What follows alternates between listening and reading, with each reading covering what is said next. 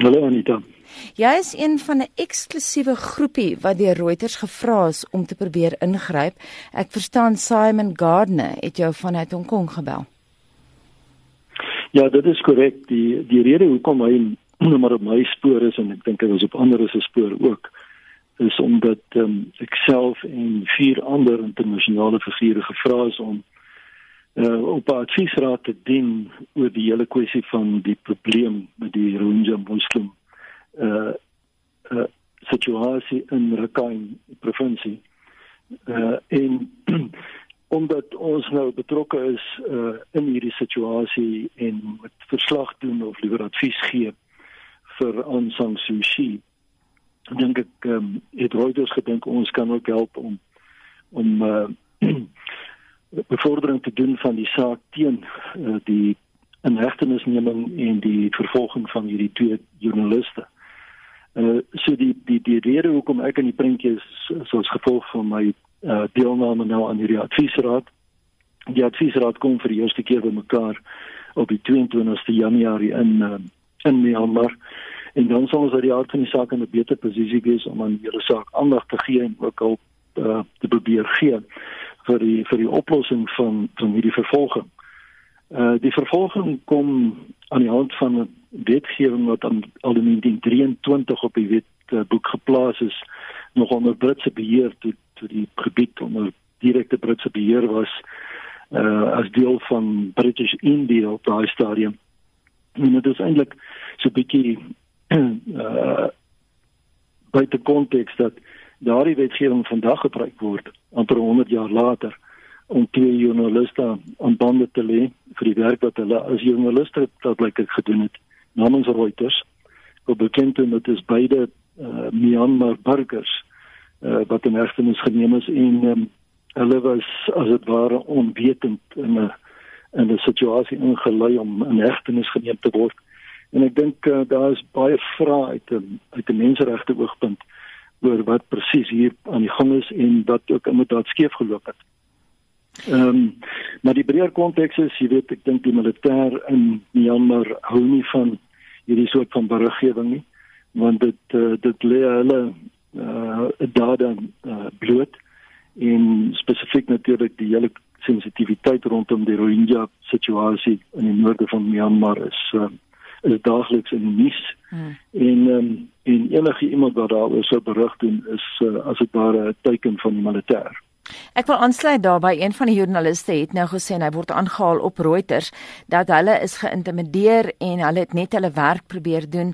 En ek wil teruggaan na verlede jaar. Die media het geweldig baie dekking gegee aan die Rohingyas tot hier in Suid-Afrika ook. Ons gee normaalweg nie baie aandag aan daardie deel van die wêreld nie.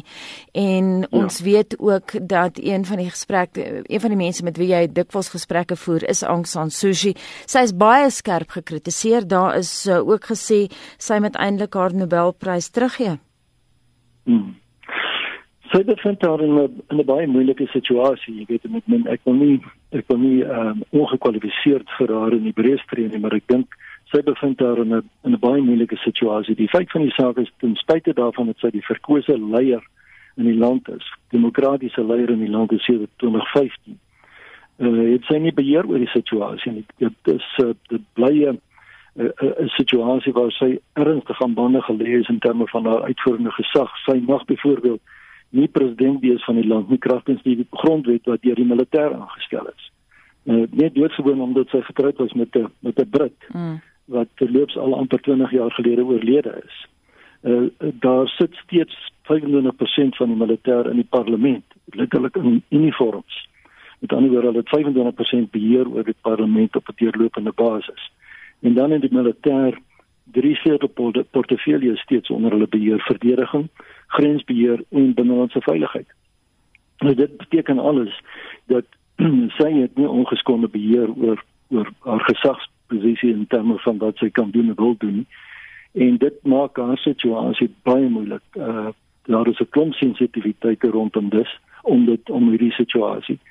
En en en mense moet onthou, ehm um, jy weet in Myanmar is daar so 14 15 ander etniese groeperinge minderheidsgroepe wat almal in 'n gewapende stryd was met die militêr oor 'n lang tydperk van omtrent 40, 50 jaar.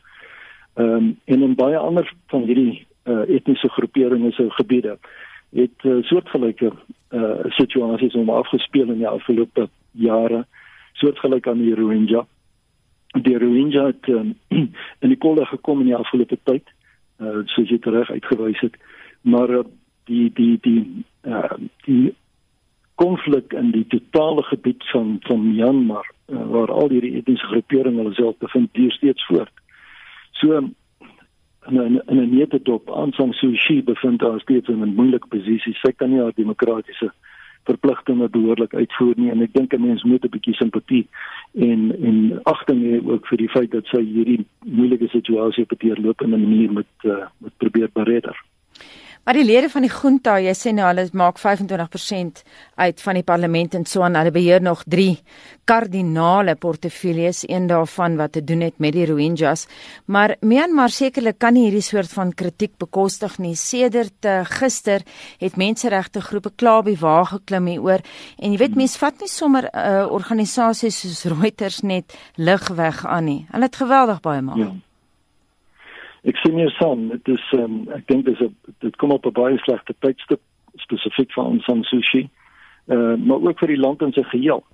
Ehm um, en en ek dink daar's baie werk wat moet gedoen word om hierdie om hierdie situasie eers intern reg te stel en daarna die beeld in die buiteland ook reg te kry. Ek het uh, gekyk vanoggend na die na die berigte wat verskyn het en die die uh, uitsprake wat gemaak is deur wêreldleiers reg oor die totale spektrum uh oor hierdie twee joernaliste en ek dink uh dit is geregverdig so. So ehm um, 'n antwoord op op die versoek wat ek gekry het om betrokke te wees, uh, ek het nie 'n uh, eerste handse rol wat ek kan speel nie behalwe as deel van hierdie adviesraad.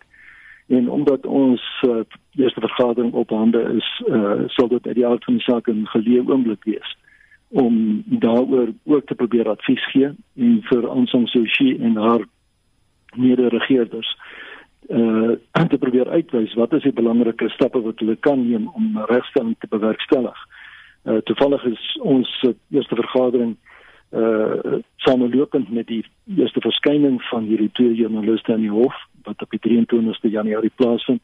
En uh, ek dink dis 'n geleë oomblik vir ons om dan ons stemme te laat hoor en te probeer 'n oplossing vind. Uh die feit van die saak is ek het um, ingewillig om deel te wees van hierdie adviesraad uh, omdat ek dink uit die Suid-Afrikaanse ervaring kan ons 'n bydrae lewer. Uh, dit is moontlik om oplossings te soek vir probleme soos hierdie. En um, en ek sou definitief nie bereid gewees het om deel te neem as ek nie gedink het daar is oplossings nie. Mm. So um, ek dink die Suid-Afrikaanse ervaring en voorbeeld uh, is is kan goed te pas kom en uh, dis hierdie hoekom ek gesê het ek sal saam met ja die ander vier internasionale figure deelneem aan hierdie aan hierdie proses en die poging. Uh dit gaan op die ouend uh of skoon die die twee Reuters uh, joernaliste nou op die huidige oomblik in die sterfvuur is. Die die eintlike probleem gaan oor wat om te doen met die met die uh, slagoffers van die Rohingya uh probleem die mense wat uit die land uit gedryf is 650 000 van hulle soos wat jy vroeër gesê het en hoe om 'n beslegting te kry van daai krisis.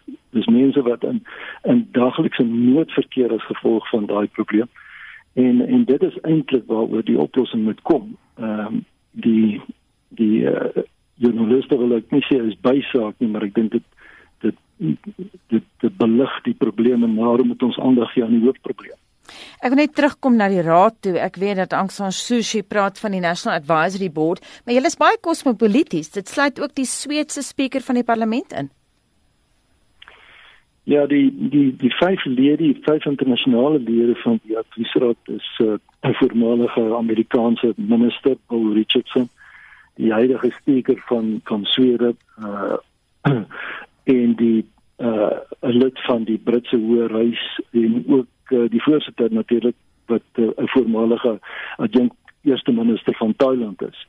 So dit is 'n wydlopende groep. Uh, dit is ek dink ek mense wat met verskillende ervarings kan kom en om 'n bydrae te maak om hierdie probleem op te los. Ek dink ten minste met 'n mens sê aan San Suu Kyi die die wyse aan die dag gelê om om hulp van buite in te roep en uh, dis een van die redes hoekom ek sê ek bereid is om my kragte aan te wend om te kyk wat ons kan doen.